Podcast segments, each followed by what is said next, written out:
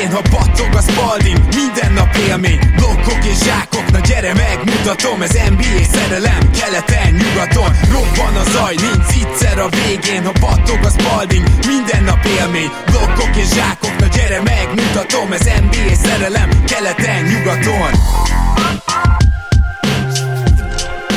Éj jó! Szép jó napot kívánunk mindenkinek, ez itt a Rep City keleten-nyugaton podcast, a mikrofonok mögött Zukály Zoltán és Rédai Gábor. Szia Zoli! Szia Gábor, sziasztok, örülök, hogy itt lehetek. Ma megpróbálunk bearangozni, amit be lehet, megint csak azzal kell kezdenem, hogy mikor vesszük fel az adást, tehát pénteken, úgyhogy nyilván még nem tudunk kettő darab párharcról, de másik kettőről igen, illetve van is kitől elbúcsúzni, és ezekben segítségünkre lesz egyik kedvenc vendégünk, és szerintem nektek is a visszajelzések alapján egyértelműen az egyik kedvenc vendégetek, Májer György. Szia Gyuri! Sziasztok! Uha, akkor innen csak lefelé lehet már menni. Mire gondolsz? Hát, hogy egyik kedvenc, ezt, ezt így még nem hallottam, de köszönöm szépen. Ja, értem, akkor a csak felfelét azt most így a választások után elfelejthetjük. hát erről hosszan tudnék mesélni. Oké. Okay. Szia Gyuri, én is üdvözöllek. Na, akkor essük szerintem neki, mert az első csapat, akitől el tudunk búcsúzni, az a Charlotte Hornets, és róluk lesz most szó. A Hornetsnek az idényét szerintem nagyon szépen összefoglalta az utolsó meccs. Az egész idény arról szól gyakorlatilag, hogy a, a Hornets, hogyha tud rohanni, akkor általában sok pontot szerez, és van esélye nyerni, hogyha nem, akkor nagyon kell nekik az, hogy, hogy isteni tripla formát fogjanak ki félpályán, és ha ez nincs meg, akkor kész elfogyott az eszköztár. És nyilván ezt már azért szezon közben is párszor elemezgettük Zolival, de ugye az Atlanta elleni mérkőzés az pontosan ezt mutatta meg, és nem tudott úgymond kibújni a Hornets bőréből.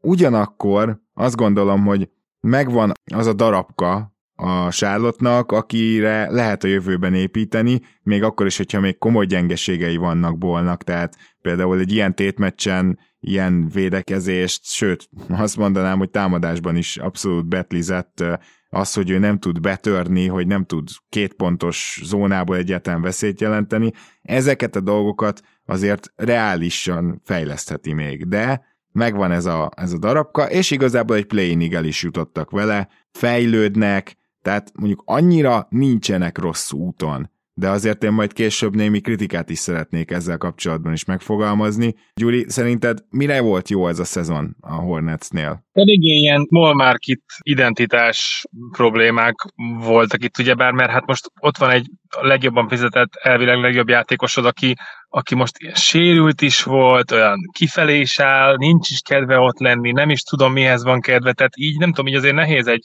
playoff csapatot csinálni, mert most így Gordon Hayward az, az most itt mit csinál tulajdonképpen, mert én most már hallottam olyan pletykákat, hogy ő sem nagyon akar maradni. Nem tudom, szóval azért ez lányom, hogy nyilván ez a bélyegét, mint ugye az is az ő játékának a hiánya, mert azért mégiscsak hát elég fontos, hanem a legfontosabb, mind ugye ez az egész, az, hogy most ő akkor szeretne ott lenni, vagy nem. Szerintem ez nagyon sokat zavart, mert azért a Charlotte szebben indult, mint ahogy, mint ahogy befejezte, és valahogy nincsen igazából vezére meg identitása ennek a csapatnak, talán valamennyire ugye egy mentálisan még talán inkább Bridges volt az, aki a leghangosabb vezér lehetett volna, vagy leg, hogy mondjam, erősebb vezér, de nem tudom, szóval ez a, vala, valamit itt nagyon-nagyon-nagyon át kell alakítani, és én szerintem ők szeretnének is egy nagyobb átalakítást a nyáron. Tehát én, én már ezt éreztem bele ebbe a végébe, hogy nem volt nagyon már ott a tűz.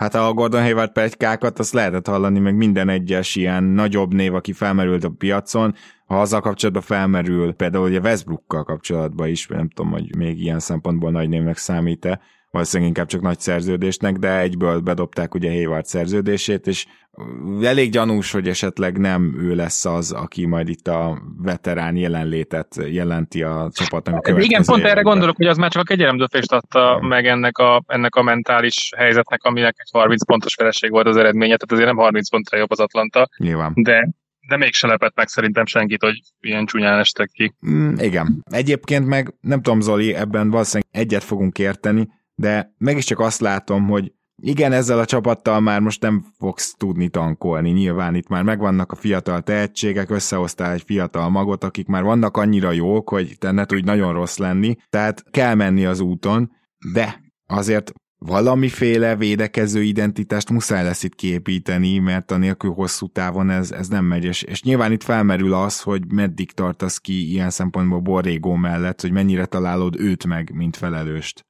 Nem egyszerű a Hornet helyzete. Ugye elmozdultak abból a senki földje szituációból, ami miatt éveken keresztül elkészítük őket. Egy, egy szerintem nagyon izgalmas, nagyon tehetséges prospektet ugye ledraftoltak, egy top 3-as pickkel Lamelo szemében, hozzáteszem, hogy most, most nehéz borról egyébként pozitívan beszélni, mert nem csak, hogy borzasztó meccse volt, de hát állítólag ugye én nem láttam a videót, de terjed róla egy videó, ahol egy, hát beleszív egy, egy füves cigibe a mérkőzés előtt még, ami nem vagyok benne biztos, hogy lehet, hogy legális egyébként abban az államban, ahol vannak, de az igazság, hogy hát semmiképpen sem profi mentalitásra utalt. Még akkor is, hogyha egyébként többen elmondták már ugye interjúkban, hogy gyakorlatilag az egész liga füvezik, és nagyon-nagyon sokan, de itt tényleg nem is biztos, hogy több tucat, hanem akár egy-két száz játékos, tehát konkrétan lehet, hogy a liga aktív játékosainak a fele, akár meccs előtt is rágyújt.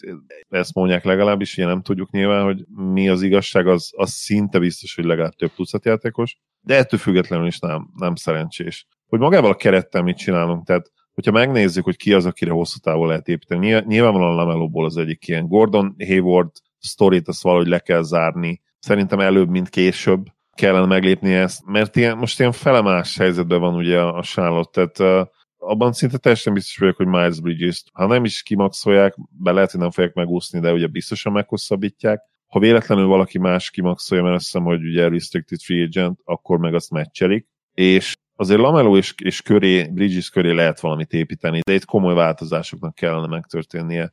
Hát a draftról csak építkezni még egy kicsit, valakit találni, mert tényleg ez hiába léptek előre, mégis valahol ugyanott vannak, nem?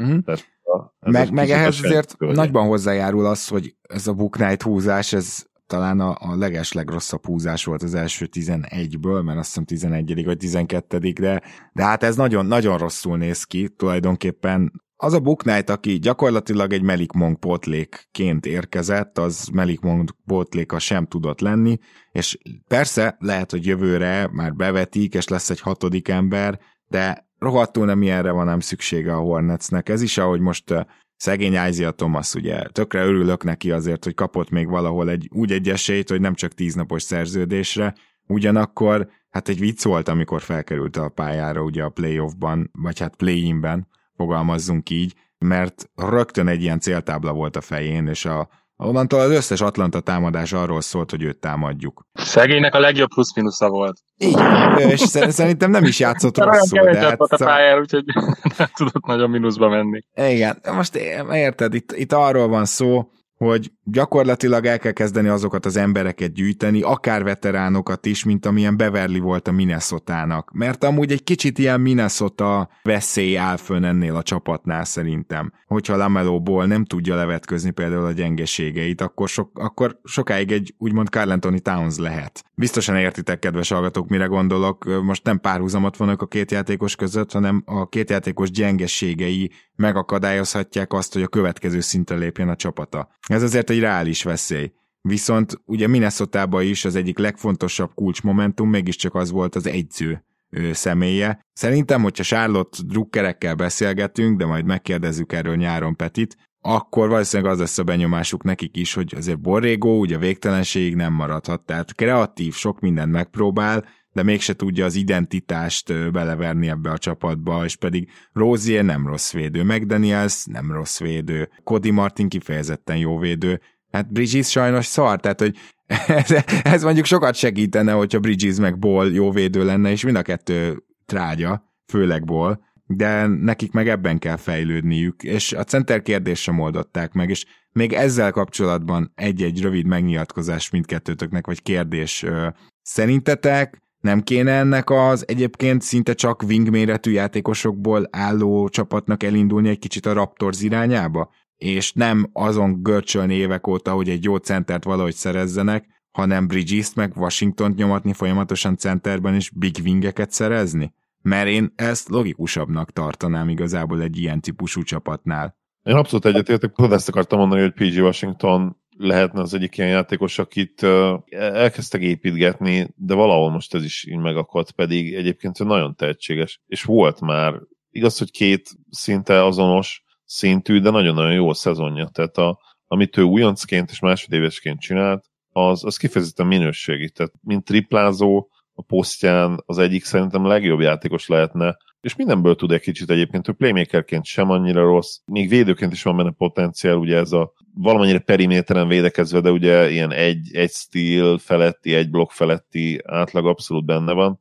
és mindig csak 23 éves, tehát egyértelműen ez kell szerintem, hogy, hogy őt tolni és őt játszani, és ezzel is nyilván kicsit eltávolodnia. Én szerintem a Terry Rozier és Gordon Hayward érától, tehát nem tudom, hogy Rozier csereértéke milyen, ha van neki egyáltalán ugye ezzel a szerződésre, mennyi van neki két-három év, és olyan 20 per, Aha. per év. Én őt is megpróbálnám valahogy értékké Szerintem az könnyen menne. Tehát biztos vagyok benne, hogy a, lenne jelentkező Roziere. Itt, itt az a kérdés igazából, hogy minek van pick and roll magasod, hogyha az irányítód nem tud betörni. Tehát most Lamelo ballért nem kell egy pick and roll magas, mert ő egyszerűen nem megy be, vagy ha bemegy, akkor kihagyja, vagy kipasszolja. Ebből nem tudsz egy Utah Jazz csinálni, azt akarom mondani, mert, mert Lamelóból kiválóan passzol, jó a periméterről, van triplája, nem is akármilyen, és itt véget ér a felsorolás, egyelőre ő nem jó betörő, ezért nem kell egy magas tartanod, aki csak és kizárólag screen assistra van ott a támadásban, tehát Nyilván, hogyha valahogy meg tudsz szerezni valami sokdimenziós magas embert, talán ezért kellett volna annó megfizetni Woodot, de lehet, hogy nem akart jönni, nem tudom, akkor picit más lesz a helyzet, de én azt gondolom, hogy, hogy főleg egy ilyen position lesz, tehát pozíció nélküli modern irányba indulhatna el a Hornets, ha már az alapok úgy nagyjából megvannak ott Bridges-zel, Washingtonnal, meg Daniel-zel, Cody Martinnal. Gyuri, bármi hozzáfűzni való, mielőtt tovább megyünk? Hát azért a Torontónak a, hogy mondjam, azok azok kicsit más kvalitású védőjátékosok. Hát igen. Akár lent, ugye Van Fleetre gondolunk, akár, akár Trentre. Ez egész hatosan végigmehetünk, tehát kb. mindegyik jobb védő, mint itt bárki. Tehát így azért nehéz, nehéz azt a játékot játszani. Meg hát a legjobb edző is van, az a top 3-as edző, top 5-ös, tehát azt nem könnyű lemásolni. Én szerintem ők már ideje ez nyilván megint csak visszahat arra, hogy kinek milyen mentális állapota van, hogy egy ideig shoppingolták ők szerintem PJ Washington-t is, hogy valami jobb center szerezzenek, és gondolom ez nem tett jót a második fél éves játékának, amikor ő ezt látta, de én szerintem ők nem adják fel ezt a dolgot, és valami centert le fognak akasztani a nyáron. Az, hogy ez hova vezet, az jó kérdés, mert ahogy ti is mondtátok, amíg a Ball Bridges páros nem tud fejlődni védekezésben, addig marad ez a playoff 7.-8. helyért küzdés. Jó, hát akkor ezt uh, szerintem átbeszéltük, és nyilván majd a nyári eseményekre reagálva már egy picit többet tudunk az irányról is, viszont beszéljünk most a San Antonio Spursről, akikkel kapcsolatban az én első megjegyzésem biztosan az lesz, hogy ezek a játékosok, ez a csapat teljes mértékben megérdemelte a play-int, és most nem a Lakerson akarok ércelődni, hanem csak elmondani azt, hogy egész évben gyakorlatilag enyhén pluszos net ratinggel teljesített, totál alul a Spurs, ennél úgymond csapatként, rendszerként jobbak voltak, mint ami kijött eredményben, mégis azt kell, hogy mondjam, hogy az, hogy ők kiestek a Pelicans ellen, az ugyanúgy, mint a Hornetsnél, kicsit összefoglalta a gyengeségeiket, és a, a Pelicans volt a jobb, tehát a Spurs majdnem vissza tudott jönni, szorossá tudta egy kicsit tenni azt a meccset, a Pelicans volt a jobb csapat, mert a Spursből olyan alapvető dolgok hiányoznak, ami egy playoff csapatba vagy magát valamennyire komolyan vevő playoff csapatba, hát kell, és ennek a pótlása az rendszerrel az alapszakaszban valamilyen szinten működhet, de egyébként, egyébként nem. Szóval megérdemeltnek tartom a play-in szereplésüket, és nyilván ezzel a maggal megint ott vagy, sokszor mondjuk Zolival, hogy nem tudsz igazán tankolni, annyira azért az nem rossz mag, miközben nem tudsz igazán jó lenni se, szóval nagy csapda szituációban van itt, ez, ez azt gondolom ez a gárda. Gyuri, te mennyire értesz ezzel egyet? Akár a csapda szituációval, de akár azzal is, hogy, hogy azért megérdemelt volt az ő helyük a top 10-ben, net rating játék alapján, stb. Először ugye azt mondanám, ami például playoffba legtöbbször azért eldönti a párharc kimenetelét, most play-re nyilván ugyanúgy igaz, hogy hát a két legjobb játékos eleve a New Orleans-nál volt, így azért elég nehéz neki menni a történetnek.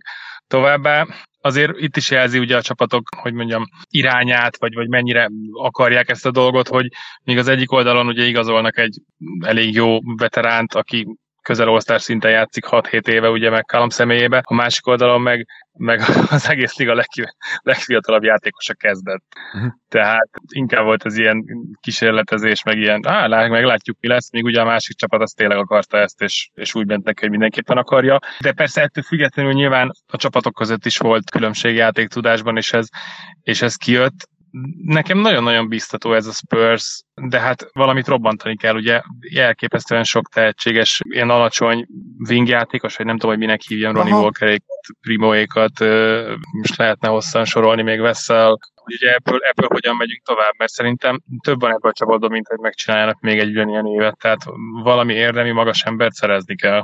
Uh-huh. Tehát akkor te azt mondanád, hogy a fiatalok erősítésére, meg tehát nem volt rossz ez az év a fiatalok nevelésére, de most el kell indulni abba az irányba, hogy javuljanak? Tehát akár... Most kezdjük azzal, hogy most ezt tudjuk már, hogy pop marad, vagy nem? Én úgy tudom, hogy nem tudjuk. Legutóbbi pletyka az, az volt, hogy... hogy marad. Igen, hogy még egy évet marad, ez most a legutóbbi pletyka. Mert hogy igazából mit csináljon szegény, ugye? nem, az a, nem, nem, nem, nézem ki hogy elmegy golfozni, tehát valamit nyilván szívesebben maradna itt, amíg lehet, ha jól érzi magát. Már pedig nekem úgy tűnt, hogy jól érzi magát.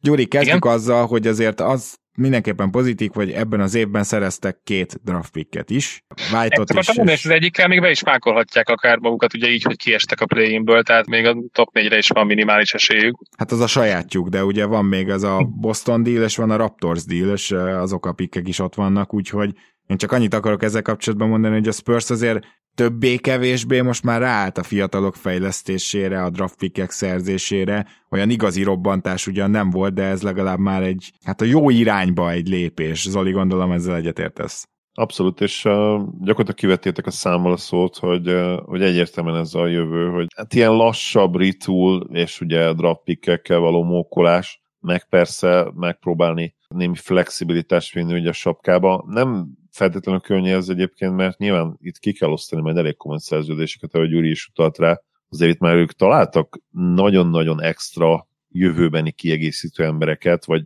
talán akár még egy nagyon jó második, harmadik opciót, és ugye ez még a jövő zenéje. Nem tudom, hogy hogyan fejlődik például Johnson. Ő, ő szerintem a legérdekesebb prospekt jelen pillanatban. murray én már nyilván nem ide, nem ebbe a kategóriába sorolom, nagyjából róla tudjuk, hogy mi ő, és, és mi is lehet belőle. Ennél sokkal jobb szerintem nem lehet számomra abszolút felmerülne az, felmerülne az ő elcserélése is egyébként. És az OKC meg jó példa lehet ugye a tavalyi évből, amikor elcserélték a 16. pikket két jövőbeni elsőkörösért, ugye a, a Rocketshoz valami ilyesmit kellene csinálni szerintem a Spursnek is, tehát, tehát így okoskodni, sáfárkodni azokkal a egyébként nem túl jelentős draft cetlivel, tehát úgy értem, hogy nyilván minőségre gondolok, vagy bízni ugye abban, hogy bemákolják, és hát ami ugye még érdekes, hogy mit tudnak csinálni ugye a, a szabadények piacon, megnézzük, hogy, vagy illetve meglátjuk, hogy Lonnie Walker mit kap, milyen pénzt, ugye ő restricted free agent lesz, tehát ugye korlátozott szabadügynök. Az biztos, hogyha akarnak is bármit csinálni, akkor, akkor nyilván szerintem a, a Keldon Johnson, Devin Vessel, Josh Primo magot mindenképpen meg kell tartani, és akkor Doug McDermott, Josh Richardson, és nálam mondom Lejon Murray is abszolút cserélhető lenne, és nyilván Murrayért nagyon komoly értéket akarok kapni, hogyha már úgy döntök, hogy elcserélem. Amit persze tudjuk, mivel ők a Spurs, és ugye Pop meg Pop nem fognak megtenni, pedig szerintem egyébként el kellene gondolkodni rajta, mert most abszolút a, a maximális árán lehetne őt elnyomni. Elnézve a Spursnek a teljesítményét egyébként a szabadügynök piacon inkább ne igazoljatok, haver. Tehát, hogy csak azt ne. Tényleg, tehát az elmúlt évek szabadügynök igazolásai a Spursnél, és, és akkor valahol végül is egy második köröst majd mindig kapnak az ilyen Forbesokért, akit újra igazolnak, és aztán megint elcserélnek, de hát de hát ennek, ennek igazából az égvilágon semmi értelme. Tök jó, hogy collins egy kicsit így be tudták illeszteni a végén, és fel tudták éleszteni, tehát ezzel tettek egy kísérletet, de az se egy olcsó kísérlet volt, hozzáteszem, tehát ahhoz képest, hogy, hogy egy sérült játékos sikerült de megszerezni. Az nem világos nekem, hogy egyébként nem mintha annyira ragaszkodnék uh, Murrayhez, de hogyha elcseréled Murrayt, akkor nem csak magas poszton van hiányod, hanem ki lesz az irányító. Ha meg ugye Murrayt irányítóra cseréled, akkor meg akkor, akkor az úgy nagyon fura. Tehát uh, ezt nem teljesen értettem, Zoli, hogy mit kezden, mit hoznák ki egy Murray cseréből. Ja, a draft pickeket egyértelmű. Ja, hogy, ja, hogy úgy, mert hogy a Keldon Johnson még olyan fiatal, meg a többiek is. Aha, ja, ja, ja, ja értem. Aha. Hát végülis, ja, szerintem Popnak nem lenne kifogása ellene, mert igazából neki teljesen mindegy, a playoff második köréért küzdő a playoffért, csak legyen egy kis fán csapat, amelyik hajt és tanulnak, meg hasonló jó feelingű, de hát akár nyilván lehetne valami komolyabbat is kihozni, ha megtartod Murrayt, és a mostani picket cseréled még mondjuk Hát ja, az is nehéz. Mert ugye kérdés, kiről mondasz el, mondasz el Vesselről, vagy Primóról, nem kéne nyilván, mert ki tudja, mi lesz belőlük. Ja, hát akkor minden, akkor marad még mindig az, hogy ugye, mivel a draftron elég jó szokott lenni azért a Spurs, ugye, hogy ráerősítsek, ráerősítsek Gáborra sokkal jobb, mint a, a szabad piacon, tehát akkor nyúlkáljanak a bödönbe, aztán hát ha húznak még egy kavajt. Igen, mert ennek az évnek is az volt szerintem a tanulsága, hogy igen, Caldon Johnson megint szintet lépett, Lonnie Walker is miután az év közepén jól leszíttuk, hogy így nem történik vele semmi, egészen jó meccseket hozott itt az év végén, Vessel is fejlődik, Primo bekerült, játszik, szóval igazából mindenki, majdnem mindenkinél fogalmazzunk így, látom az irányt, látom a fejlődést, a Spurs kis keltetője tovább működik, csak az a baj, hogy nincsen benne aranytojás. Jó lesz ez lezárásnak? ne is reagáljatok. Inkább menjünk tovább, és harangozzuk be a mai első párharcunkat, ami az egyik, sokak szerint az egyik legizgalmasabb lehet, és az egyik legszorosabb. Ez pedig a Boston Celtics és a Brooklyn Nets összecsapása. És hogyha megnézzük azt, hogy a Brooklynnak milyen csapatok feküdnének úgy igazán. Tehát, hogyha valaki például veletek ért egy egyet, már mint ezt most neked mondom, Zoli és Baska, hogyha valahol hallgatsz minket. Ugye én voltam az, aki szerint nem is Dark Horse contender a Brooklyn, szerintetek az volt, hogy azért el kell képzelni nyilván egy Dark Horse contendernél, hogy milyen matchupok esetén menetel a döntőig, és azt gondolom, hogy a Brooklynnak az ilyen Miami típusú csapatok jönnek be nagyon, akik elitvédekezők, de ők még ugye legalábbis a két ö, sztár, támadó sztár, ö, még az elitvédekezéseket is esetleg át tudják dobni, de nem túl jó támadó csapat, ami nem állítja a Brooklyn védekezését akkor a feladat elé. Tehát ilyen szempontból például a Cleveland is tökéletes volt nekik. Na most itt áll vagy bukik ez az egész párharc, hogy a Boston az All-Star szünet óta a legjobban támadó csapat, és hogy ezt mennyire hisszük el, illetve mennyire állítja majd megoldhatatlan feladat elé a Brooklynt, mert ha csak kicsit is, akkor nem hiszem, hogy a Brooklynnak reális esélye van tovább jutni. Ha nagyon becsődölne a Boston playoffban, támadásban, amihez azért nyilván védők is kellenének, szóval ez nem csak úgy magától megy, akkor viszont bajban lehet a Boston. Én ezzel a felütéssel indítanám ezt a sztorit, Zoli. Én egyetértek ezzel a szíveszemi rég volt premisszával, igen, ez az egyik fontos kulcsmomentum. Ugye mi beköthetünk bele a celtics kapcsolatban, nyilván a jelenükben nehéz, viszont a korábbi playoffokból kiindulva, a korábbi playoffokban keresve a hibát, ott bizony igenis találunk, és, és nagyjából szinte mindig itt dőlt meg az ő helyzetük, vagy ott akadt el a szekerük, talán az jobb analógia, hogy, hogy a támadás az, az egyszerűen belassult. A támadásban nem tudták azt hozni, ami, ami kell ahhoz, hogy döntőbe juss, hogy potenciálisan legyen esélyed egy bajnoki címre. Nyilvánvalóan ez, tehát ahol a szempontból vitték tovább Stevens örökségét úgymond, kicsit úgy hangzott, mintha meghalt volna közben, meg igazából csak felfelé bukott. Udokával is ez egy elitvédő csapat, illetve elit lepattanózó csapat, ez ugye Stevensnél is így volt. Ami meg ugye gyenge, szintén hasonló, tehát a büntető kiharcolás és ugye a játékszervezés. Szóval nagyon-nagyon hasonló ez a csapat, és nyilván abban bízhat a Celtics, hogy, hogy azóta még jobb játékos lett Jason Tatum és, és Brown, de talán egyébként még Smart is, mint hogyha egy, egy nagyon picit még lépegetett volna, fejlődött volna egy 25-26 éves korára is, ami ugye nem feltétlenül szokott jellemző lenni. És persze, hogyha megnézzük még a keret többi tagját, ugye azért Al Horford is nagyon-nagyon underrated, nagyon-nagyon alulértékelt is extra szezont hoz magához képest. Összességében egyébként szerintem ez a leg, legérdekesebb, legizgalmasabb párat, majd beszélünk egy kicsit nyilván a, a Nets oldaláról is, hogy miért, de visszakanyarodva arra, amit mondtál, egyetértek, és hát a másik dolog pedig az, hogy a védekezésüket mennyire hiszük el Robert Williams nélkül, illetve ki fog derülni, hogy Robert Williams mekkora szerepet játszott ebben a védekezésben, mert bár kevesebb, sokkal kevesebb possession, de egyébként a, Tice Horford duóval még jobb a védekezésük, mint, mint Williams-el. Nyilván a probléma az, hogy csak 109 percet játszottak együtt. Szóval e, ez egy érdekes dolog lesz, hogy, hogy megnézzük, mert egyébként Horford és Tice iszonyú intelligens védőjátékosok, és uh, engem nem lepne meg azt, hogyha tudnák azt a, azt a védekezést folytatni, amit ugye Robert Williams-el uh, csináltak. Hát azt konkrétan nem, de mondjuk, hogy azon a szinten. Szerintem fogalmazunk így, mert azt egyik ő sem tudja megcsinálni, amit igen, Williams. Nyilván nem fog, uh, nem fog Daniel Tice 5 öt, blokkolni három percen belül, mint hogy néha Robert Williams csinálta. És mellesleg egytől ötig végig switchelni sem fog most már, mert annyit azért lassult Tice.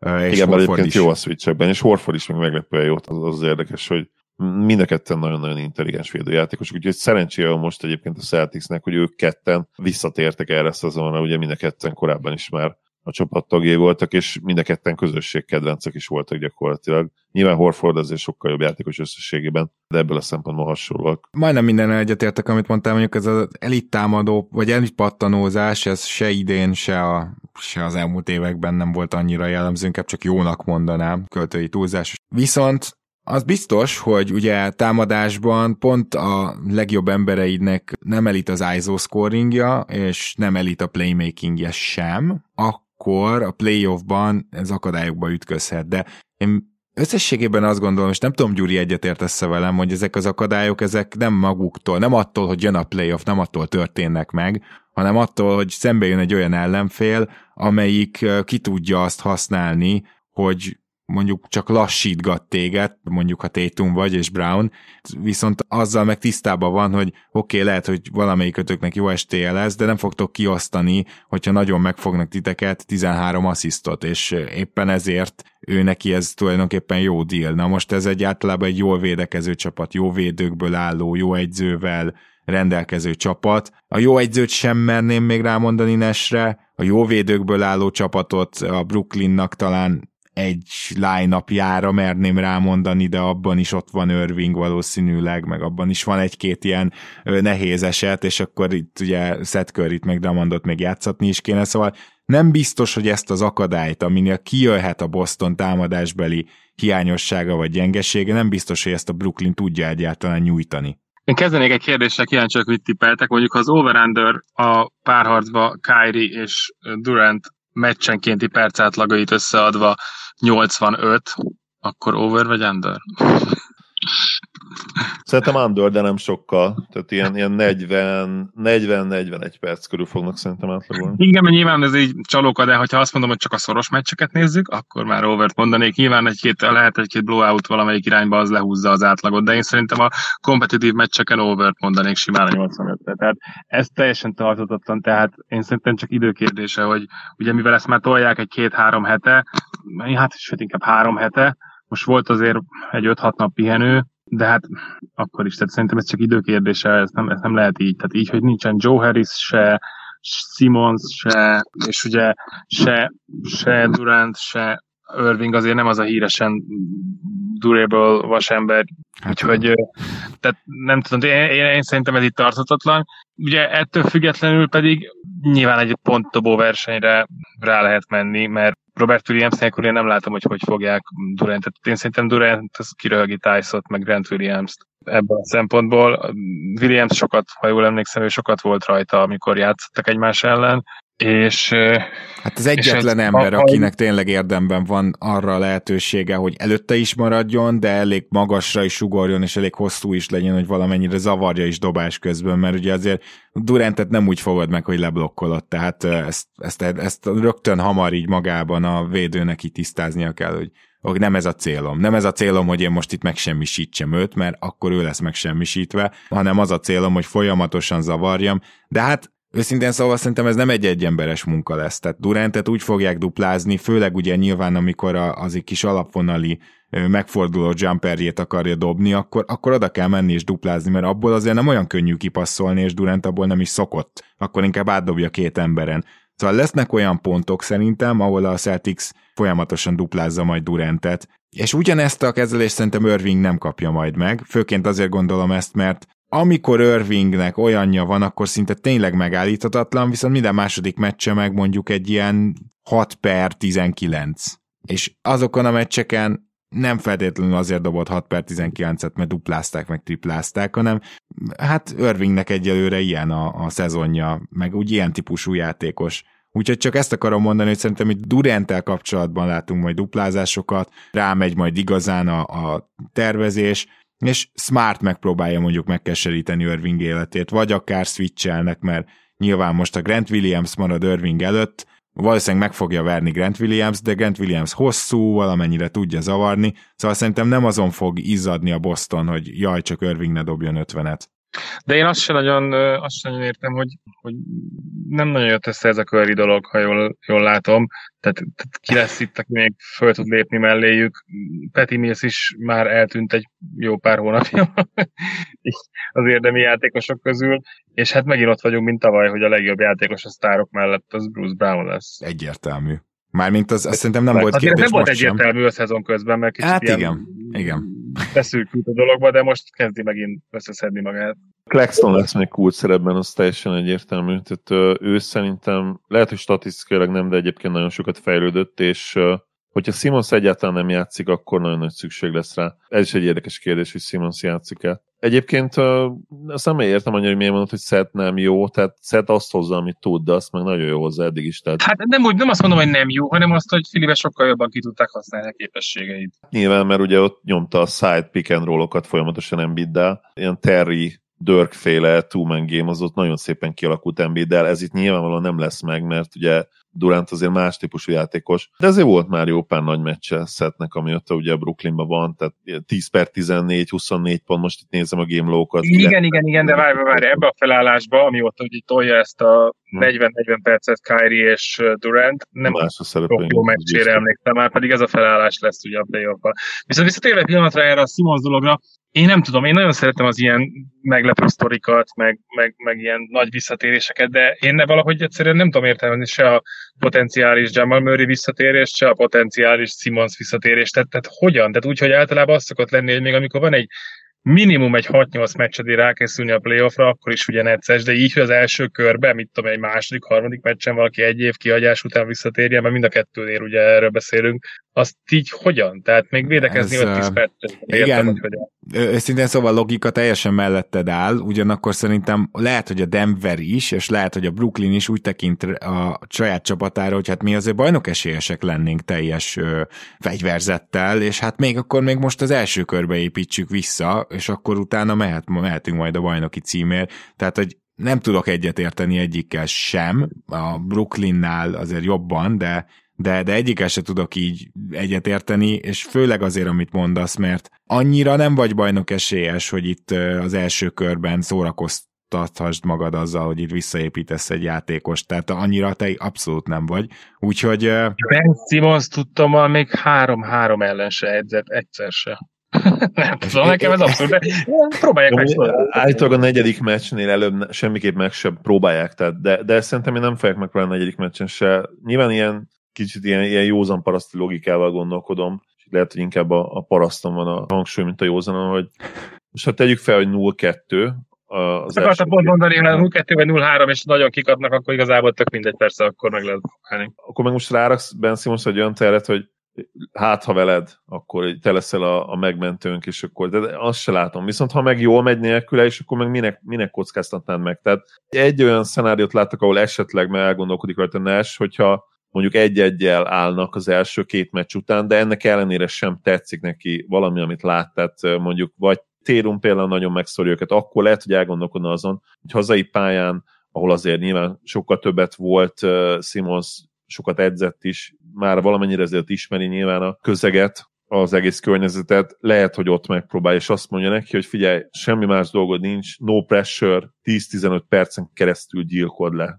Térumot, és akkor berakja egy ilyen szerepre. Nyilvánvalóan negyedik negyedben nem, tehát ezt meg fogja vele beszélni, hogy figyelj, kulcspillanatokban most még nem, nyilván szoknod kell a, az új rendszert, majd azt a köz, közös tréning camp alatt nyáron tökéletesítjük, de most csak ennyi a dolgot, hogy menjél be, és védekezz úgy, ahogy csak te tudsz ezeken a big mert ebből a szempontból könnyen lehet, hogy Simons a legjobb védője egyébként. Szóval ezt azért nem biztos, hogy ott hagyod, ha van, van egy kis esély arra, hogy ezt akár 10-15 percben meg tudja csinálni. Hm, nem tudom. Nyilván én is arra fogadnék, hogy nem fog játszani.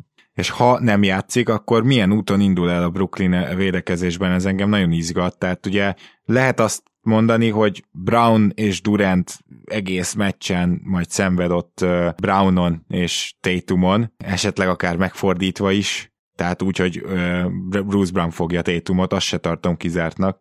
Ez a két olyan védőd van, akik rájuk tudsz rakni, nem hiszem, hogy egy Claxton-t max, hogyha switchelsz akkor, de közben meg Irvinget azért meglehetősen bújtatni kell valószínűleg, hogyha fáján van Curry, bújtatni kell, Drummondot, egy, egy, például egy Jalen Brown, akkor a sebesség különbség van Drummond és Jalen Brown között, hogy a periméteren Drummond nem fogja tudni megtartani. Tehát mindezek azt mondatják velem, hogy lehet, hogy a Brooklyn, illetve kell, hogy készüljön egy olyan B-tervel is, hogy nem itt egy az egybe fogunk mindenkit, és minden screenen majd átmegy Durant, és, és ezzel fárasztjuk őt például, tehát igazából esélytelennek is tartom. Sokkal inkább valószínűbb, hogy duplázásokat láttunk majd elsősorban Tatumon, és megpróbálják meg kivenni a kezéből a labdát, és azt mondani, hogy oké, okay, Celtics, verjetek meg, csak ne vele, hanem nélküle. És igazán, ha azt a dobóformát hozza a Celtics, amit itt a szezon vége felé mutatott, mutattak a többiek, akkor meg is fogják verni így is a Brooklynt. Hogyha ez a playoffban mondjuk egy picit besül, akkor, akkor még mindig ez a stratégia lehet a leggyümölcsözőbb. Kíváncsi vagyok a véleményetekre ezzel kapcsolatban abszolút, hogy, hogy mihez kezdenétek védekezésben. Most csak egy gyors pillanat, egyrészt azért szégyeld magad, hogy a egyik óriási egy szuper Brooklyn fontos játékos Kessler Edwardsot kihagytad a, a sorból, mert konkrétan pont az előbb még azt akartam mondani, hogy esetleg még akkor lehet szükség Ben Simmonsra, ha Kessler Edwards megsérül. Aha, körülbelül jó, így, okay. így, áll, így áll a Brooklynnak a, a, a szerkezete. De még csak gyorsan mielőtt Zolinak átadom a szót annyit, hogy igen, itt vagy Tatum, vagy Brown iszonyat sok lehetőséget fog kapni, mert egyszerűen a kettőt nem tudják megfogni, és meg kell próbálni az egyikre duplázni. Nyilván ez valószínűleg Tatum lesz a legtöbb esetben, úgyhogy itt Jalen Brownnak elég komoly lehetőségei lesznek, hogy támadásba villogjon. Igen, ugye Edwards nyilván értettem a, a viccet. Lehet, hogy fog egyébként játszani ugye a play matchen borzasztó volt, 8 percet játszott, és ugye teljesen üresen hagyták, úgy fogták az elején, mint, mint Jannis, vagy, vagy azt a Ben Simmons-t, aki ugye, akit úgymond így neki kellene kispadon tartani, négy tégla. Lehet, hogy talán Tyből a legjobb példa erre, mert ugye Ben Simonséknál ott van a labda, de Tybölnál nincs. igen, igen, Tyből talán még jobb.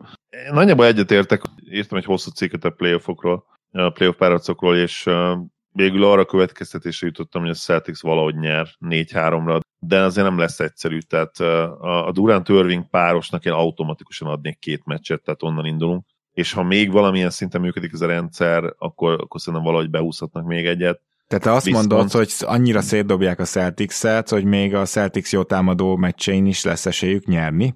Lesznek ilyen meccsek, ebben biztos vagyok abszolút. Ami 130-125-re. Ilyen, ilyen 110, 114, 110 körüli meccset én abszolút látok. Hát az biztos lesz, igen. Igen, mondjuk az a mai NBA-ben lehet, hogy nem annyira. Nem, nem, nem, kifejezetten az ilyen 130-as shotoutokra gondolok. Ja, nem, nem, nem, nem, nem, olyan nem lesz szerintem, az, az, az nagyon erős lenne. Szerintem azt, azt most inkább a Celtics érheti el. Tehát nem gondolom, hogy a Brooklyn ennyire szétdobhatja a Celtics-et, csak erre akarok célozni, és nyugodtan mond tovább, hogy végül mire jutottál tipre, tehát akkor maradsz a 4 3 Igen, maradok, igen, mert szerintem Robert Williams visszatér körülbelül a, az ötödik meccs környékén, ugye akkor lesz meg pont az a hiszem 40 nap, vagy lehet, hogy 30 nap, vagy lehet, hogy 6 hét, mindegy. Tehát, hogy akkor telik le pont az idő, azt olva, pont az idő, azt olvastam, amit úgy jósoltak annak, és általában jó haladt, tehát hogy milyen fiatal szervezet nagyon, és ez a meniskus, ez rohadt gyorsan tud gyógyulni, tehát ha emlékeztek rá, talán Westbrook. Ja, ő két játszott. héten belül visszatért belőle. Igen. Meg, sőt, egyszer, nem tudjátok ki volt egyszer, aki azt hiszem egy héten belül, vagy tíz napon belül visszatért, az uh, World Peace. Meta volt az, aki egyszer tíz nap után játszott meniskusszal, emlékszem. Tényleg ilyen helyesen rövid idő volt. Nem akarok ilyeséget mondani, egy maximum két hét. De szerintem még annyi se. Nyilván ő nem volt teljesen normális, tehát nem lepődnék meg azon, hogyha azt nem az orvosok jóváhagyása mellett tette volna, nem mondjuk saját felelősségre, de igen, tehát ez, ez nagyon gyorsan gyógyul ez a, ez a sérülés, és azt szerintem szinte biztos, hogy Williams visszatér még ebben a párharcban, ha csak nem zárja le valamelyik csapat, ugye nagyon gyorsan, mire szerintem kb. semmi esély. Azt én nem látom, hogy öt meccsen kikapjon ez a Nets, tehát ahhoz egyszerűen túl jó ez a duó. Lesz, és lehet olyan mérkőzés, ahol nagyjából mindegy, hogy mit csinálsz elnök védekezésben, akkor is meg fogják dobni a 60 pontot ketten. Nem vagyok biztos benne, hogy az ilyen, ilyen egy-két meccsen, ami szerintem lesz legalább ott meccselni tudja majd a Celtics, de összességében az, azt a kérdést tettem fel, és itt záró gondolatként, hogy, hogy elhiszem ezt a Celtics-et, válasz az, hogy még nem tudom elhinni, de inkább mégis arra hajlok, afelé hajlok, hogy, hogy Térum és Brown külön-külön is és, és duóként is van olyan érett lesznek már olyan jók, hogy megoldják ezt a feladatot. Nagyjából erre, erre hajaztam ki a, a véleményemet végül. Érdekes, mert eh, ahogy én gondolkoztam, az pont ellentétes már a végével, tehát, hogy pont Tatum és Brownon kívül a többiek fel tudnak-e annyira lépni, hogy ne ennek a két játékosnak kelljen elvinni a teljes terhet. Szerintem ez az igazi kérdése a párharcnak, és a Celtics támadása, és bízom bennük annyira, hogy azt mondjam, hogy ez egy 4-2-es párharc lesz még Williams nélkül is, mert szerintem a 70 pontot dobó Kyrie Durant páros mellett is képes lesz a Celtics meccset nyerni. Tehát, hogyha, hogyha azt érezném, hogy akkor nem lennének képesek, és, és besülnek a kiegészítők, és támadásban megakad a Celtics, akkor 4-3-at mondanék, vagy 3-4-et akár. Így viszont 4-2-t mondok. Gyuri?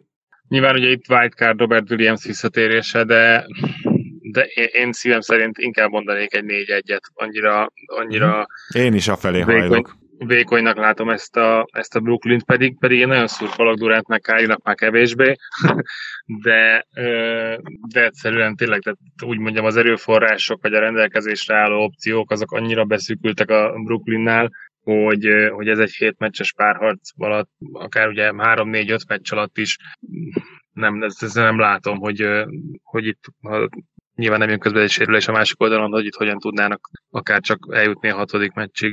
Akkor te belállsz a 4-1-be. Én a 4-0-ba is egyébként beleállnék, ha Robert Williams lenne. Tehát ah, hát akkor én is máshogy gondolkoznék nyilván, de... Ne, azért az erős egy netszelen, de meglátjuk, de szerintem az nagyon erős azért, egy Nincs, nem tudom, én nem, én nem látok magam előtt egy csapatot. Kyrie-t és Irvinget látom. Nincs csapat, de basszus, hát Durant, Durant Irving duo hogyan söprött ki lehetetlenség szerintem. Tehát ahhoz nem annyira rossz ez a, ez a Nets kiegészítő, mert tehát amikor ilyen embered vannak, mint Claxton, meg, meg Bruce Brown, akik abszolút alul értékeltek, még Harris nélkül is, aki nyilván nagyon hiányzik, de nem, nem is szerintem Oké, okay, akkor magam ellen, magam ellen beszélek, mert tavaly ugye egy fél Hardennel, Kyrie nélkül is ugye elment hét meccsig ez a Brooklyn, úgyhogy Durant ilyen 45 perceket átlagolt.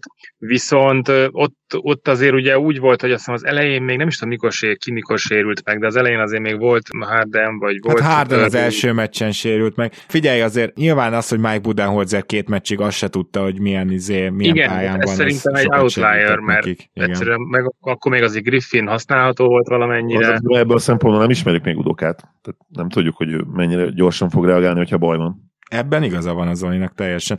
Nem tudom, tehát nekem is 4-0 erős lenne williams együtt is, de én most a 4-1 és a 4-2 között filóztam. De akkor te bemondod a 4-1-et, igaz, Gyuri? Igen, igen. Jó, akkor viszont menjünk Meg én látok, mondom, én belelátok egy sérülés, már elnézést, nem kívánom ezt senkinek, de nem, most nem egy komoly sérülésre gondolok, csak azt, hogy vagy fáradtságot, vagy valamit, tehát ezt Durant is azért egy évet még öregedett, tavalyhoz képest is tavaly is már elképesztő volt. Minden esetre a Celtic szurkolóknak nem lehet egy szavuk sima mind a hárman az ő továbbjutásokat tippeltük, igaz, hogy más-más végeredménnyel, de, de azt hiszem ez. A net szurkolóktól meg megkapjuk magunkét majd. Meglátjuk, hogy joggele, vagy sem. Nagyon-nagyon várom ezt a páracot. Nekem ez a gyakorlatilag a kedvenc, legjobban várt párharcom a Sixers uh, Raptors mellett. A másik oldalon a második és a hetedik helyezett párharcában több helyről olvastam ilyen fórumokból, hogy hát, hát ha meglepetés lesz, és, és akkor esetleg a fiatal Memphisi csapatot majd ez a Minnesota meglepi, de közben meg az a helyzet, hogy minél tovább nézem azt, hogy ez egy milyen, milyen matchup ez a Minnesota-nak, az, hogy mik a, a csapatok erősségei, gyengeségei, Nekem folyamatosan egyre jobban a Memphis elé dől el ez az egész történet. Kíváncsi vagyok majd a véleményetekre ilyen szempontból, hogy hát miben, miben bízhat a Minnesota, mert ugye ezek az ilyen szélsőségek, amik nagyon rosszul néznek ki, hogy a Memphis a legjobb támadó lepattanó csapat, a Minnesota meg az egyik legtrágyább védőcsapat. Memphis sok labdát szerez, a Minnesota nem vigyáz jól a labdára. Tehát a, Mem- a minnesota nem túl jó a transition elleni védekezése, a Memphis meg szeret futni, és jó transitionben. Amiben a Memphis jó, azt nem nagyon tudja ellen- ellensúlyozni a Minnesota. Ezért aztán szerintem a minnesota nem valami jó matchup összességében a Memphis, és biztos beszélünk majd arról, hogy oké, okay, fiatalok, meg, meg láttuk ezen a szezonon is, hogy némely vereségük olyan, hogy hát rosszul dobtak az első félidőben, az ellenfél meg jól dobott, ilyen van, csak ugye egy veterán csapat ilyenkor folyamatosan védekezik, bízik a rendszerben, majd megáll a tripla zuhatag, és akkor feljövünk, és megfordítjuk a meccset. Na ez a faktor valóban nincs meg még a Grizzliesnél, úgy érzem. Vannak ilyen kicsit ilyen, ilyen fiatalság által feladott meccseik, amiben egy kicsit ilyen lehajtott fejjel jár. Szóval, hogy lesz ilyen szerintem most is, nem biztos, hogy a Minnesota ellen, de a playoffban igen, ők szét tudnak esni, még mentálisan nem annyira erősek. De hogy ez megtörténjen négyszer, arra én nagyon kevés esélyt látok alapvetően, tehát hogy mi, a miben bízhat a Minnesota kérdést, én, én nehezen tudnám megválaszolni. Gyuri, te meg tudnád-e? Hát én szerintem, ha a, amit mondtál, abba az irányba az fordítva legalább annyira igaz, mert szerintem a Memphisnek nagyon rossz matchup a Minnesota. Hogy konkrétabban fogalmazok, az Adams-Jackson duónak nagyon rossz matchup Towns. Most ezt tegyük félre, hogy Towns megint mentálisan milyen formában van, és hogy kezdte ezt a, mm, ezt a postseason-t, ugye ha a play-in tekintjük.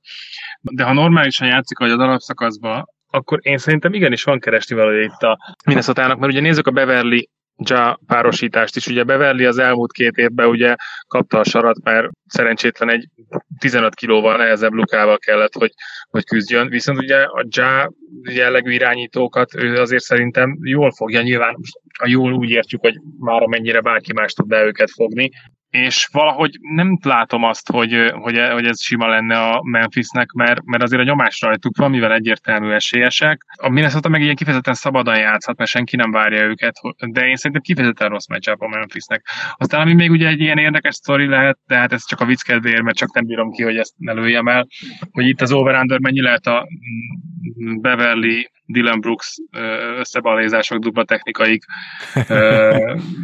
mert én igazából a hármat húznám meg, és, és, és necces, hogy overt mondanék. Ja. Bár ha háromszor összebaléznak, akkor ott már a beeltítás lesz, de az még nagyon jó móka lesz. Nem nagyon fognak de találkozni én... a pályán, mert Brooks is ugye valószínűleg Russellen és akár Edwardson is, vagy Ó, az nem kell ahhoz neki találkozni, elég kicsi az a pálya, hogy összehussanak. Ah. Meg, meg hát, hogy mondjam, inkább az lesz, hogy hallani fogják egymást. Mm. beszélni fog. De a lényeg az, hogy én abszolút kiegyensúlyozott szoros párharcot várok, és egy ilyen nem vagyok benne biztos, hogy ez nem inkább egy Anthony Edwards breakout sorozat lesz. Tehát akkor, bocs, csak összefoglalva, Gyuri abba bízik, hogy nem csak a Minnesota-nak rossz meccsap a Memphis, hanem Carl Anthony Towns miatt a Memphisnek is rossz meccsap a Minnesota, abba bízik, hogy mentálisan sokkal erősebb lesz a Minnesota, és abban, hogy, Kyle, hogy Edwards majd ilyen fantasztikus szériát hoz, és ezért lesz kiegyenlített a párharc. Zoli? Igen. Towns nyilván mindenkinek rossz meccsap, tehát szerintem ezzel nem találtuk fel a spanyol, ezt nem tudnék egy darab centert sem mondani, akinek jó matchup Towns ugye védekezésben és Towns szemszögéből támadásban.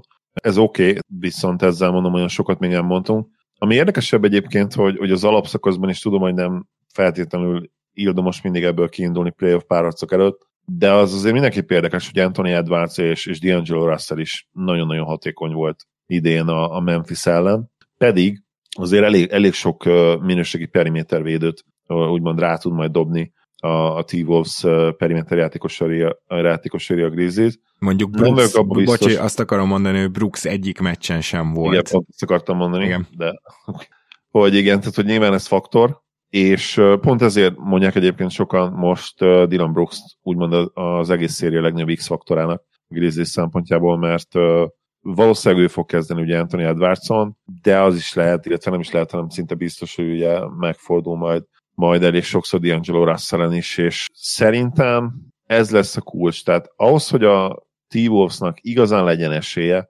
szerintem az kell, hogy a, hogy a Big Free-jük mindegyik tagja nagyon-nagyon jó legyen támadásban, mert csapatszinten annyival jobb ez a Grizzlies, a pálya mindkét oldalán egyébként, tehát támadásban is és védekezésben is, hogy, hogy én másképp nem látom materializálódni a Wolves szempontjából, csak így, hogyha, hogyha mind a három játékosuk nagyon jól játszik. Nyilván a győztes meccseken, tehát nem azt mondom, hogy nem lehet betlézni akár.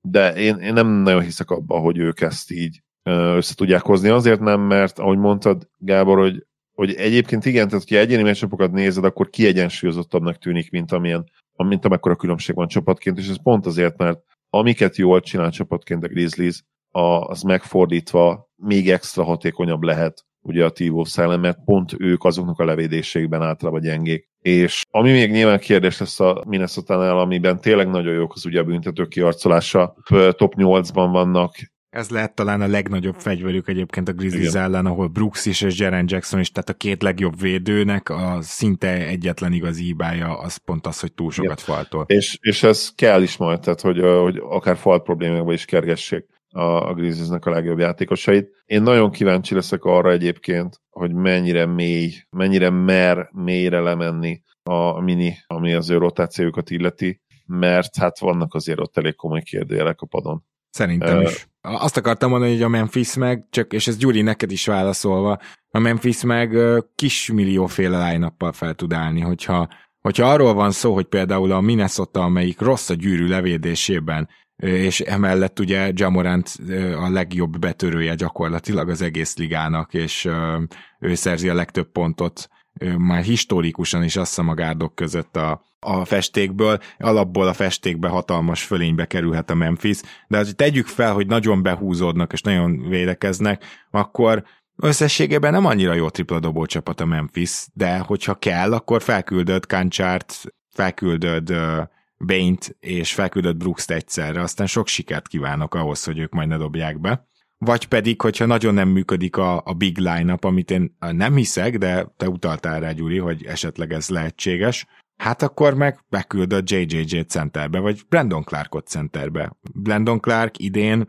szinte egytől ötig védekezik szintén. Tehát ő, őt, őt nem énekeljük annyira meg, hogy mennyire visszatért egy csalódást keltő második év után. Szóval csak azt akarom mondani, hogy annyira sok lehetősége van Jenkinsnek, hogy rajta múlik, hogy Budenholzer ezek, Budenholzer ezek, ez kimondhatatlan. Budenholzerre zik egyet, sikerült, és folyamatosan ragaszkodik ugyanazokhoz a rotációkhoz, ugyanazokhoz az elvekhez, de hogyha ő változtatni akar, akkor egyszerűen az eszközkészletében ott van a kalapács, ott van a fogó, ott van a fúró, minden, tele van a szerszámos láda, csak ezt akarom mondani. Nem tudom, ez inkább ilyen megérzés jellegű dolog, de nyilván én a Memphis, most a minnesota abszolút nem hiszek ebből a szempontból, csak valahogy nem tartom annyira egyértelműnek ezt a párazatot, mint a mhm. legtöbben tartják ennyi, tehát azért nyilván én is inkább a Memphis továbbjutását tippelném, csak nem olyan, nem olyan simán. Jó, én sem gondolok itt 4 0 vagy Zoli, te bemernéd tippelni? Vagy... Nem, 4-0 az erős, tehát ahhoz, ahhoz annyira wild card ez a, ez a Grizzlies, tehát nem, nem, nem ismerjük még őket az ilyen szituációkban, úgyhogy nem, a 4 0 semmiképp de meg a Minnesota is bárkit szét tud dobni, szóval azért, Abszolút. hogyha ő nekik bejön az, hogy Edwards is bombázza a triplákat, meg Carl Anthony Towns is, meg még esetleg Russell is, akkor akármit csinálsz, dobnak 120 pontot, szóval nekik ez a, a egyik ütőkártya. Így van, viszont azt se látom, hogy hogyan tudná a hét meccsre, hét meccsig húzni ezt a párharcot a Minnesota. Ahhoz meg egyszerűen túlságosan bízom ugye Jenkinsben, és, és abban, hogy ő biztos lesz nehéz pillanat, tehát egy ilyen fiatal csapatnál azt hiszem ez elkerülhetetlen. Azt is látom magam előtt, hogy egy-egyel fordulnak, de Jenkins egy igazi, igazi hadvezér, és én nagyon-nagyon sokra tartom már most. Megnyugtatja majd a, a fiatalokat, és, és arra inspirálja őket, hogy visszatérjenek ahhoz, amit tudnak, de azt nagyon jól csinálják. Nyilván ez az egyik leghajtósabb, hanem a leghajtósabb csapat az NBA-ben. A minnesota pedig vannak olyan tendenciái, főleg amikor nem nagyon megy úgy a szekér, amik számomra azért megkérdőjelezhetőek, ők, ők nem egy ilyen, nem, nem akarom azt mondani, mert ez nyilván hülyeség, hogy nem akarják majd annyira, de, de valahogy mégis ide lyukadok ki, és, és ez egy nagyon jó tanulópénz is lesz a Grizzliesnek. 4-2-vel mennek szerintem tovább, de ez egy kőkemény 4-2-t várok, egy olyan 4-2-t, ami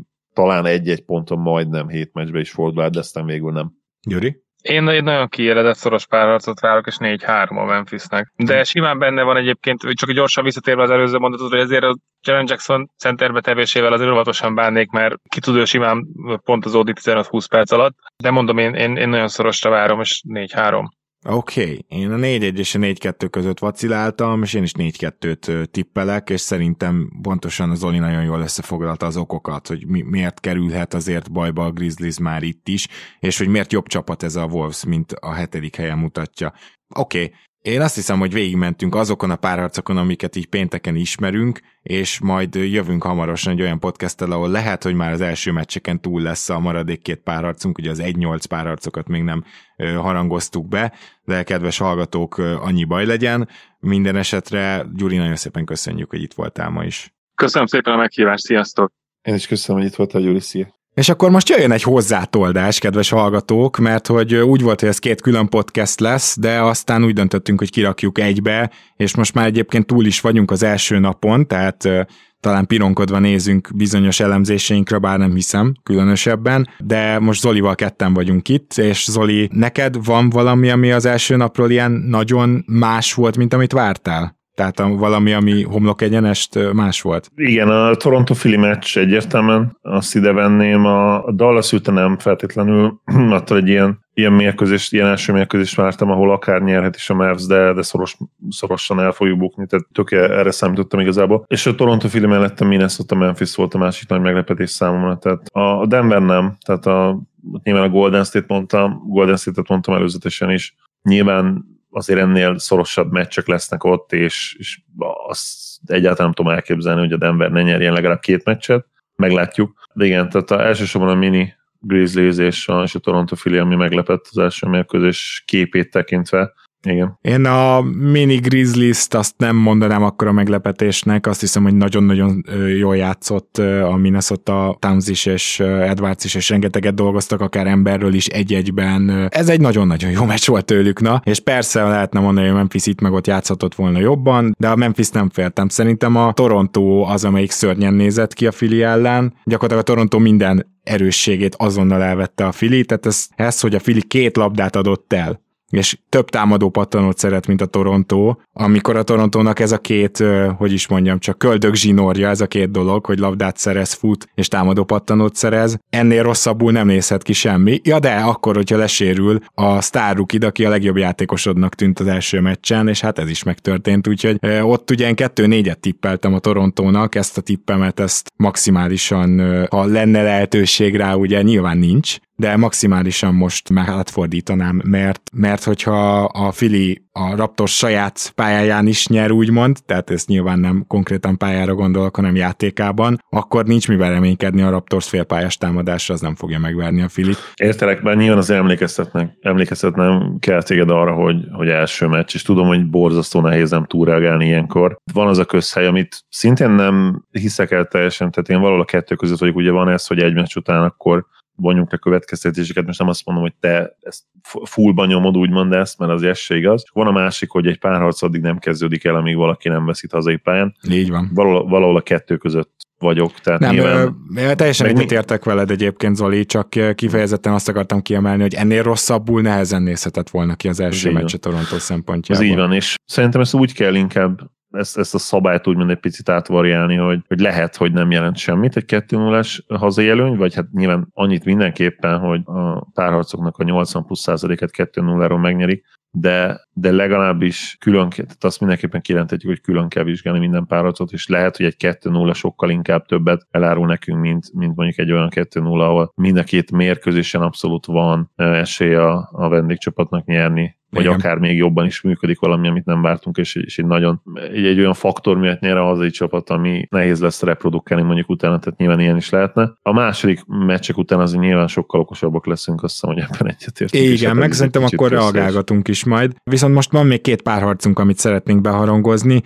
Azt gondolom, hogy az egyik kicsit izgalmasabbnak tűnik, mint a másik, és kezdjünk is ezzel, mert ezt sem mondanám különösen feltétlenül egy izgalmas párharcnak, de talán talán van némi esély rá, hogy ne legyen sima, ez pedig a Miami és a, az Atlanta összecsapása. Hogy miért ezzel a felütéssel megyek ennek neki?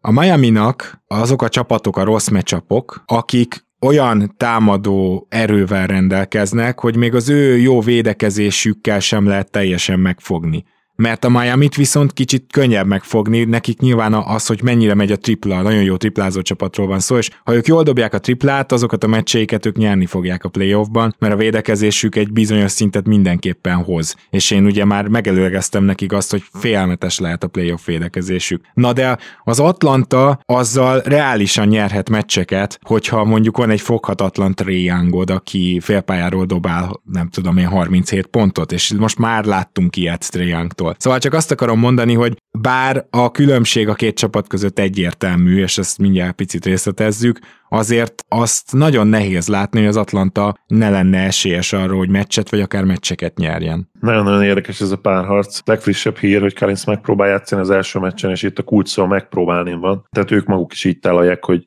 we'll try to play. Meglátjuk, hogy, hogy ez mit fog jelenteni, mert simán el tudom képzelni azt, hogy egy picit vissza is veti a Hawks, hiszen ha, ha van olyan játékos, aki nem feltétlenül egészséges, hát nem tudom. Tehát én például lehet, hogy nem raknám be a kezdőt. Nézd meg, hogy Kör mennyire intelligensen mit csinált. Steph Curry szépen a padra rakta, mert tudták, hogy ezzel meccsen hát ilyen 20-22 perc van menne. Pool egyszerűen egészségesebb, és valószínűleg jobb formában van, és ugye ki is jött a meccsen abszolút. És így egy picit ráadásul azt is elérték, hogy valami olyan történt, amire a Nuggets nem, nem tudott készülni egyszerűen. Tehát ki a fene gondolta volna azt, hogy Steph Curry jön be senki. És lehet, hogy ezt kellene csinálni collins is. Igen, teljesen egyetértek. Főleg és, úgy, és nem, hogy nem ugye... a kezdőbe mivel elfogynak a centereid, így ugye, hogy Capella sérült. Egyébként én nagyon drukkolok Capellának. Egy, egy hogy... hét elvileg. Igen. Azt mondják, hogy egy Emlékszel a nincs. tavalyi playoff Janis sérülésre? Az tök ugyanígy nézett ki. Ugyanez volt, tök igen. ugyanez volt, és ugyanúgy azt hiszem egy hét egy volt, hét. ugye? Igen, így van. Tehát ott is sokkal hamarabb visszatért Janis, mint amennyire megijedtünk. Na most is nyilván ebbe bízok, és azért én nagyon-nagyon várom azt, hogy Okungwu, hát hogy is mondjam, csak megkapja ezt a nagyobb szerepet, mert ezért is kell Kalinsz a padról, mert Okungwu lehet, hogy játszik majd 35 percet, de a maradék 12 cserecenterbe az Collinsnak kéne lejátszani. És nem azt állítom, hogy csak cserecenter legyen, félreértés ne essék, csak azt, hogy azokban a percekben valaki kell, mert, mert nem dobhatsz be olyan játékost, aki egész évben gyakorlatilag nem játszott. Igen, és ugye a Heat kezdője is egyébként nagyon érdekes, mert annyiféle line próbált meg mostanában Spolstra. Én azt is el tudom képzelni, hogy, hogy akár Max Strass is a kezdőben lesz, de valószínűleg inkább rotációban is visszatérnek úgymond az alap megálmodott kezdőhöz, amikor nagyon sokat nem tudott idén játszani, mert ugye úgy néznek ki, hogy Kyle Lowry dobó van ugye Oladipo nem fog szerintem kezdeni. Nem fog kezdeni. Akkor ki, ki lenne a kettes? Butler, és akkor úgy fognak ugye kiállni, hogy PJ Tucker vissza kezdőbe, és Duncan Robinson, és természetesen centerbe ugye Adebayo. Tehát Aha. én erre tippelek. Jó, azért itt inkább Duncan Robinson a kettes, de most csak tudom, hogy csak kukacoskodok. Igen, tehát hogy ez uh, lenne a hát kezdő. Igen, elvileg ugye poszt szerint van így, de igen, tehát nyilván, hogyha, főleg, hogyha a klasszikus shooting guard szerepet nézzük, akkor persze Duncan az, aki, az, aki dobál, Butler meg ugye szervez, ő a big wing, de igen, ez gyakorlatilag részletkérdés is. Ugye ebben nagyjából egyetértünk, hogy el kéne felejteni lassan már az öt tradicionális pozíciót, és inkább lehet csökkenteni háromra. Igen. Vagy mondjuk nekem ugye ez az elméletemben ez a 3 plusz 2, tehát hogy a guard hmm. mellett legyen combo guard, és a wing mellett legyen big wing, és akkor ez a két alkategória még ott van, és akkor így végül is van öt posztod, csak nem poszt, hanem szerep. Igen, hát a tradicionális posztoknak tényleg nem azt mondom, hogy nincs egyáltalán értelmük, de, de legalábbis most sokkal árnyaltabb. Egyébként így végignézni, egyszer néz, csináljuk meg nyáron, így végignézni a ligát tök érdekes lenne, mert a Clevelandnek voltak olyan pillanatai, amikor két irányítóval és három biggel állt ki, wing nélkül.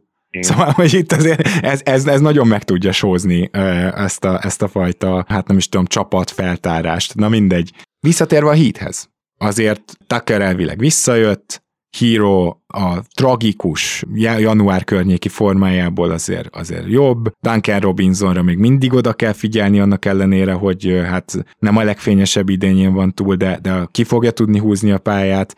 Tehát a Heat, csak azt akarom hangsúlyozni, hogy beért egészségesen a rájátszásba. És azért mi már a szezon elején is azt mondtuk, hogy ha ez a csapat egészségesen odaér a rájátszásba, akkor ez bajnok esélyes lehet. És most szerintem az Atlanta egy jó teszt lesz, hogy ezt megmutassák, mert az Atlanta ellen azért kőkeményen kell védekezni, nem is csak az, hogy Triangle mit csinálsz, hanem az, hogy itt most Hunter is támadásban jó dolgokat mutat, triplázóik formában vannak, Bogdanovics is, Hörter is, szóval igazából az Atlanta támadásban szerintem prima, és ez egy jó teszt lesz, hogy a Heat Igen. megmutassa, hogy ez az akár all switch védekezés, ez mit tud csinálni egy ilyen támadógépezettel, mint a Hawks. Az Atlanta szerintem a jelenlegi plafonjuk az, hogy milyen szinten tudnak játszani, az egy 53-55 győzelmes csapat. Lehet, hogy inkább 53-52-53, de az abszolút reálisan. Tehát ők képesek ezen a szinten játszani, és ez nem mondható el azért sok nyolcadik helyezett csapatról. Hát nem. Hát nem. Ami még Nyilván más, más kérdés, ja, hogy kijönne belőlük. Tehát... Igen, igen. De hát ebbe a szezonban azért ennyi sérüléssel már kapásból nem jött ki, és az, abba se vagyunk mi biztosak szerintem, hogy majd itt hosszú távon négy Macmillan lesz a megoldás, de erre majd úgyis visszatérünk, ha egyszer el kell tőlük búcsúznunk. Matchup szempontból az Atlantánál Capella kiesése szerintem, ha van matchup, amiben nem fáj annyira, akkor ez az, mert én szerintem Gyakorlatilag az, hogy Capella esetleg jó pár Jimmy Butler betörést megnehezített volna, ez, ez a max, amit, amit az ő szerepében lehet feltételezni, de Okongwu amúgy sokkal jobb a Miami ellen szerintem. Abszolút, tehát itt ugye ki kell, ér, ki kell érni mindenkire, tehát konkrétan a kezdő az hát majdnem five out. Ugye Adebayo-tól várjuk, reméljük, vagy én személy szerint remélem azt, hogy hogy végre majd elkezd triplázni. Még az idén ugye nem történt meg, talán jövőre, de egyébként rá is valami ezt ki kell érni, mert ugye középtávolról egészen jó tud lenni időnként. Tehát, tehát ilyen majd, hogy nem five out, ilyen négy és fél out kezdőt tudnak felrakni, mert hát Butler is ki fogsz lépni, hiába felejtette két évet triplázni, tehát nem fogják őt úgy védeni, mint, mint ahogy a Mavs meccsen láttuk, ahogy Green-t védték, vagy ahogy Tybull szokták, tehát úgy nem hagyhatod ott, őt, őt ott Jimmy Butler, és nem is fogják. Igen, és akkor még a padról kiváló triplázók, akiknek nagyon más szerepük nincs is, mint triplázni és védekezni. Ja, azt milyen gondolom... hihetetlen, bocs, hogy zár, zárszónak, bocs, hogy közel, hogy megint felépített két hihetetlenül jó rotációs embert Spolstra egy semmiből. Tehát az, hogy ő egy, egy Strasból és egy Caleb Martinból ilyen játékosokat csinál, egészen hihetetlen csávó. Igen, különösen szerintem Strassnál, mert Caleb Martinnál láttuk pislákolni ezt a, tudtuk, hogy atletikus, és láttuk, hogy nem hülye. Tehát, hogy oké, okay, hogy kicsit a skilleket, skill hiányba szenvedett, de hát Spolstra ebben nagyon jó, hogy csak azt kell csinálnod, amiben jó vagy és, és ebbe hihetetlenül jó Spolstra. Viszont akkor tippeljünk, mert én azt mondanám, hogy ez a párharc, ez annyiban lesz meglepetés, hogy ez 4-2 lesz, és egyáltalán nem Igen. azért, mert hogy a Heatnek megremeg a pajzsa. Tehát pont az, mint a Memphisnél. Nem gondolom azt, hogy a Memphis csak 4-2-re ver meg egy ilyen tehetséges minnesota ha, ha megver, hát most én, én még mindig kitartok emellett, akkor, akkor ott kétségbe kell esni és ezt gondolom a Heatnél is, hogyha ez 4-2 lesz, nem kell kétségbe esni, kiváló formába került az Atlanta, igazi támadógépezet, simán benne van, hogy nyernek két meccset. Én is 4-2-t tippelek, akkor tippeltem a 4-1-et, hogyha Capella és Collins is kiüli az egész sorozatot. Így, hogy tudom, hogy visszatérne, Capella valószínűleg az első két meccset hagyja ki.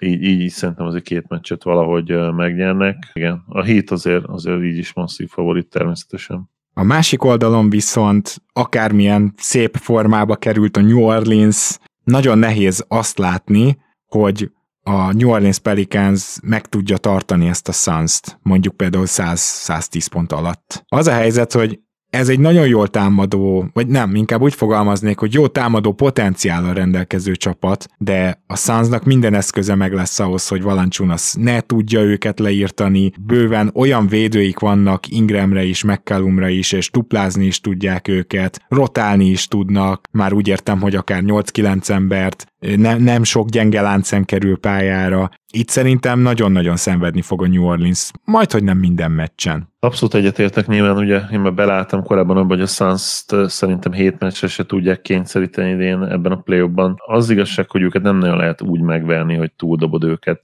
Az elmúlt hetekből talán a Grizzlies volt egyedül képes erre, úgy, úgy egyébként elmondható, hogy, hogy gyakorlatilag akkor van esélye csapatnak, ha, ha limitálni tudja ezt a hihetetlen támadógépezetet, ami hihetetlen védekező gépezet is, tehát nyilván ezért, ezért énekeljük meg az ő hőstetteiket mostanában elég sűrűn, főleg én, de hát te is nyilván azért reálisan látod, hogy mennyire, mennyire jó csapat ez. Amellett, hogy nem lesz hosszú ez a, ez a window, ez a lehetőség nekik nem lesz örökké nyitva. Lehet, hogy már csak úgy jövőre igazán ebbe a formába, de most hát teljesen tárva nyitva az, az ablak. Igen. és én nem tudom elképzelni, hogy nyilván a sérülések azok mindig benne vannak, de, de annyira domináns a Suns. Szerinted uh, meccset se nyer a Pelicans? Hát lehet, hogy nyernek egy meccset, mm. de, de én szerintem söprést fogok tippelni. Mm. Ilyen határ lesz. Egy, egy szoros meccs szerintem, amit vagy a, vagy a Pelicans valami nagy hős tettel megnyer Ingram és CJ is mondjuk 30-30 pontot betesz a közösbe, de, de egyébként a meccsek döntő többséget dominálni fogja a Suns. Amit szerintem fontos hozzátennünk az az, hogy a Pelicans helyében mit csinálnék kérdésre kevés a válasz, de azért az mindenképpen ott van, hogy egyértelmű, hogy a Pelicans támadásban rengeteget fog egyegyezni, vagy éppen olyan pick and indítani CJ McCallummal, aminek az a célja, hogy a legtehetségesebb pontszerzőiknek minél jobb helyzetet alakítsanak ki. Tehát én nem gondolom azt, hogy itt Herbert Jones lesz a meg nem énekelt hős, meg Jackson Hayes, tehát hogy, hogy ők, ők ezt addig fogják orvérzésig tolni, mert az a helyzet, hogy Jackson Hayes sem tud neked megnyerni egy meccset támadásban, Herb Jones sem tud neked megnyerni egy meccset támadásban, de az mégis, ami a Clippers ellen történt, hogy Valanciunas egy idő után már nem volt pályán, és Trey Murphy meg igen, szerintem azért abba az irányba mindenképpen majd előbb vagy utóbb el kell, hogy menjenek. Mert nem kezelhetik úgy ezt, hogy ú, úgyis mindegy, úgyis négy egyre mondjuk kikapunk. Tehát Nyilván az elején meg kell próbálnia majd mindent Greennek, és ami felé tudnak ők menni, az vagy a Giant Ball, ugye, amit itt próbálgattak hayes és Valanciunasszal egyszerre, vagy pedig a Small Ball, amit szintén próbálgattak, ugye. Na most Lerinenszel, és én azt gondolom, hogy ez az utóbbi lehet az, hogy Lerinens centerben, és Hayes talán nem is játszik, és Valanciunas valójában inkább mint cserecenter. Hogy ez lehet az a vonal, ahol közelebb tudnak lenni a Sunshoz, és nem a Giantból. Úgyhogy én azt várom, hogy akár már az első meccsen el fognak ebbe az irányba menni, és utána akár a kezdő is átalakulhat, mert ezzel a Sanszal gyakorlatilag atletizálni csak igazán ez így tudnak, és a másik pedig, hogy ezt a Suns-t védekezésbe lekövetni is így fogják csak tudni, úgyhogy ha nem akarnak minden meccsen 115-120 pontokat kapni, akkor meg kell próbálkozniuk ezzel a small ball Nem tudom, te hogy vagy ezzel. Hát, teljesen egyetértek, tehát Nance, amilyen domináns teljesítmény nyújtott a, a második play meccsen, én, én gyakorlatilag azonnal beraknám a kezdőbe, és, és Jonaszt így próbálnám meg ugye limitálni Paul és Booker ellen, minél kevesebbet legyen fent. Nyilván erre Monti azonnal meglépni a választ, és olyan line raknak ki, ami ugye a második sorban is valakit felküld, vagy valószínűleg már az első meccsen kihúzná hamarabb vagy Bukert, vagy Polt, és aztán visszaküldeni. Azt hiszem Pollal csinálta is egyébként ezt, ezt a Hát ha Polt vissza ugye. tudod küldeni, Valanciunas ellen és pick and tudtak, akkor már ugye nyert ügyed van. Abszolút, és egyébként nyilván itt Zion eszedbe jut, tehát ha lenne Zion azért abból a szempontból minden más lenne, hogy, hogy vele és akár ugye nance egy olyan nem igazi smallbolt, de mégis smallbolt fel tudná rakni, amelyik hát legalábbis támadásban egészen elképesztően potens lenne, és, és gyakorlatilag levétetetlen. Bár ahhoz is lehet, hogy kellene még egyébként egy, egy igazi ilyen sharpshooter, egy olyan, egy olyan játékos, mint Robinson, vagy amilyen J.J. Redick volt, mert hát azért CJ is hajlamos arra, hogy, hogy időnként egy kicsit kívül, és, és azért nem ez az ösztönös triplázó, főleg nem ugye spot-up triplázó, és ez most jelen pillanatban nem nagyon van a csapatban. Egy ilyen játékos találsz még, és lenne Zion, ez már nyilván nagyon-nagyon sok Hát és. Murphy azért alakul, tehát, hogy uh, Trey hmm. Murphy szerintem alakul, az, az, az, az alakul még hagyjuk nyitva azt a lehetőséget, igen. Alakul, uh, igen, de azért még ilyen szerepben nem ennyire, ennyire előtérben legalábbis nem volt még. És hát nyilván azzal, hogy, hogy ilyen hipotetikus esetőségekről beszélünk, hogy ha ez lenne, ha még találnak egy új játékost, meg ha még Zion visszajönne, azzal szerintem válaszoltunk is arra, hogy mit gondolunk erről páracról. Meg hogy mit kellene tenni a Pelicansnek valahogy I- Igen, tehát gyakorlatilag igen, egy, meg, megváltoztatni a valóságot ezt a realitást, amiben most benne vannak, mert ez a realitás az az, hogy, hogy Ingram nagyon izgatott, és végre megmutathatja magát a play ugye hat év után először, vagy hát ugye az NBA-ben először, mert meg soha nem jutott play és lesz egy-két nagyon jó meccse, én nagyon szeretem az ő játékát, biztos látványos lesz, CJ is megdobja majd magát egyszer-kétszer, de szerintem ezeket a meccseket is jó eséllyel el fogják veszíteni ilyen, ilyen 120-112-re, mert a Suns álmából kelve is szerintem 100 110-ről indulnak gyakorlatilag minden oh. meccsen ezzel a Pelicans ellen.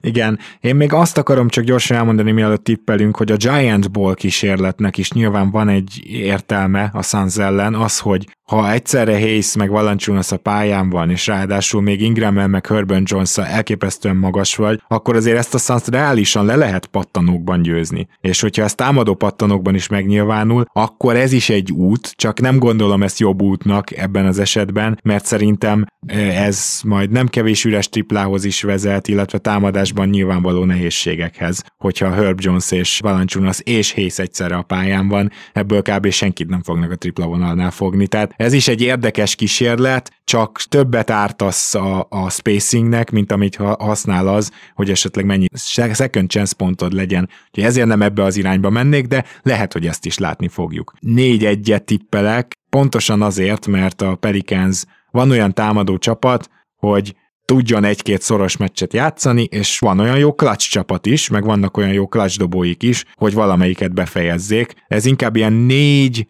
és négy fél, nem négy egy, tehát a nulla Igen. és az egy között fél úton, de legyen négy egy. Ugye én már gyakorlatilag elmondtam, hogy ugyanígy gondolom, tehát lesz egy olyan meccs, amit tényleg lehet reális esélyük, és ha már te azt tippelted, hogy megnyerik azt az egy meccset, akkor én arra tippelek, hogy, hogy el fogják veszíteni ezt az egy meccset, és nálam söprés, de azt gondolom, hogy igazából lényegtelen, tehát Suns drukkereknek félnivalója itt tényleg csak a sérüléstől van.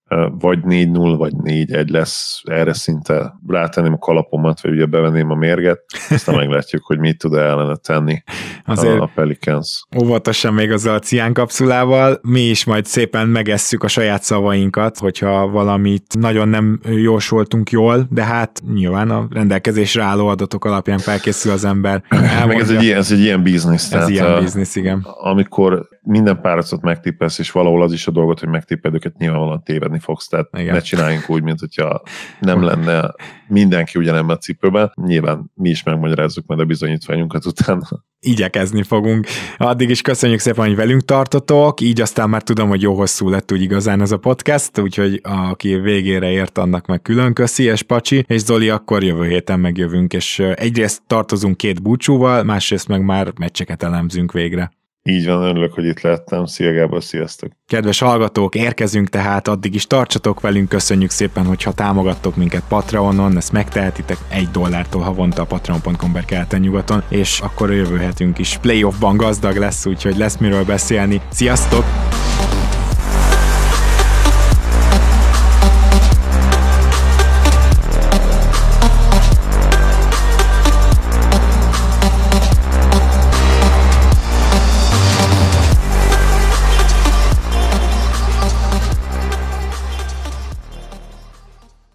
Ha más podcastekre is kíváncsi vagy, hallgassd meg a Béton műsor ajánlóját.